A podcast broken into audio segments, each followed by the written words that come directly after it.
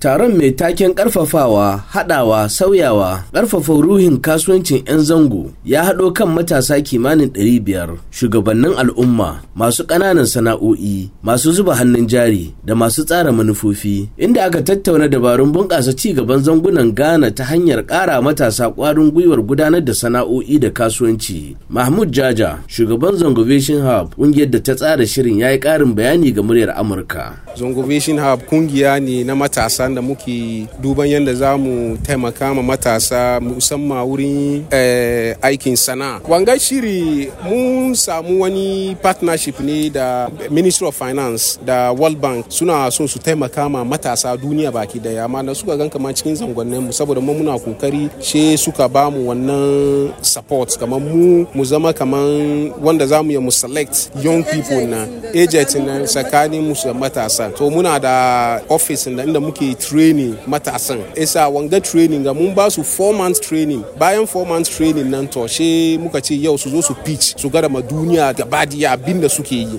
Babban bako na musamman a wurin taron ƙaramin minista kan harkokin kuɗi dr muhammad amin adam ya shawarci al'ummar zango. We have been sleeping for a long time and it appears everybody has come to the conclusion that zongos are behind. But zongos are not behind. Ya ce mun jima muna barci kuma ga dukkan alamu an kai ga cewa mu 'yan zango muna baya amma 'yan zango ba ma baya domin muna da mutanen da suka ba da gudunmawa. Wajen ci gaban mu a matsayin su na likitoci malaman makaranta 'yan kasuwa da sauransu. Amma muna buƙatar mu har haɗo ci gabanmu da kanmu don da haka ne za mu iya ba da labarin kanmu da kanmu. Baya ga shawarwari daga wasu fitattun 'yan kasuwa an buɗe fili ga wasu gungun matasan 'yan kasuwa guda goma sha biyar inda suka bayyana dabarun yadda za su gudanar da kasuwancinsu kuma su samu riba ga wani kwamiti da zai tantance gungun da ya nasara. Daga bisani sai a ba wannan gungun tallafin kuɗi mai tsoka da zai gudanar da kasuwanci. A ƙarshe gungun da bushira abbas wanda ke noma aburba ta yi nasara. Sunana abbas bushira muna sana'an aburbe. Gaskiya mun go through zongovation program na for the period of more than three months. Mun koyo a lot.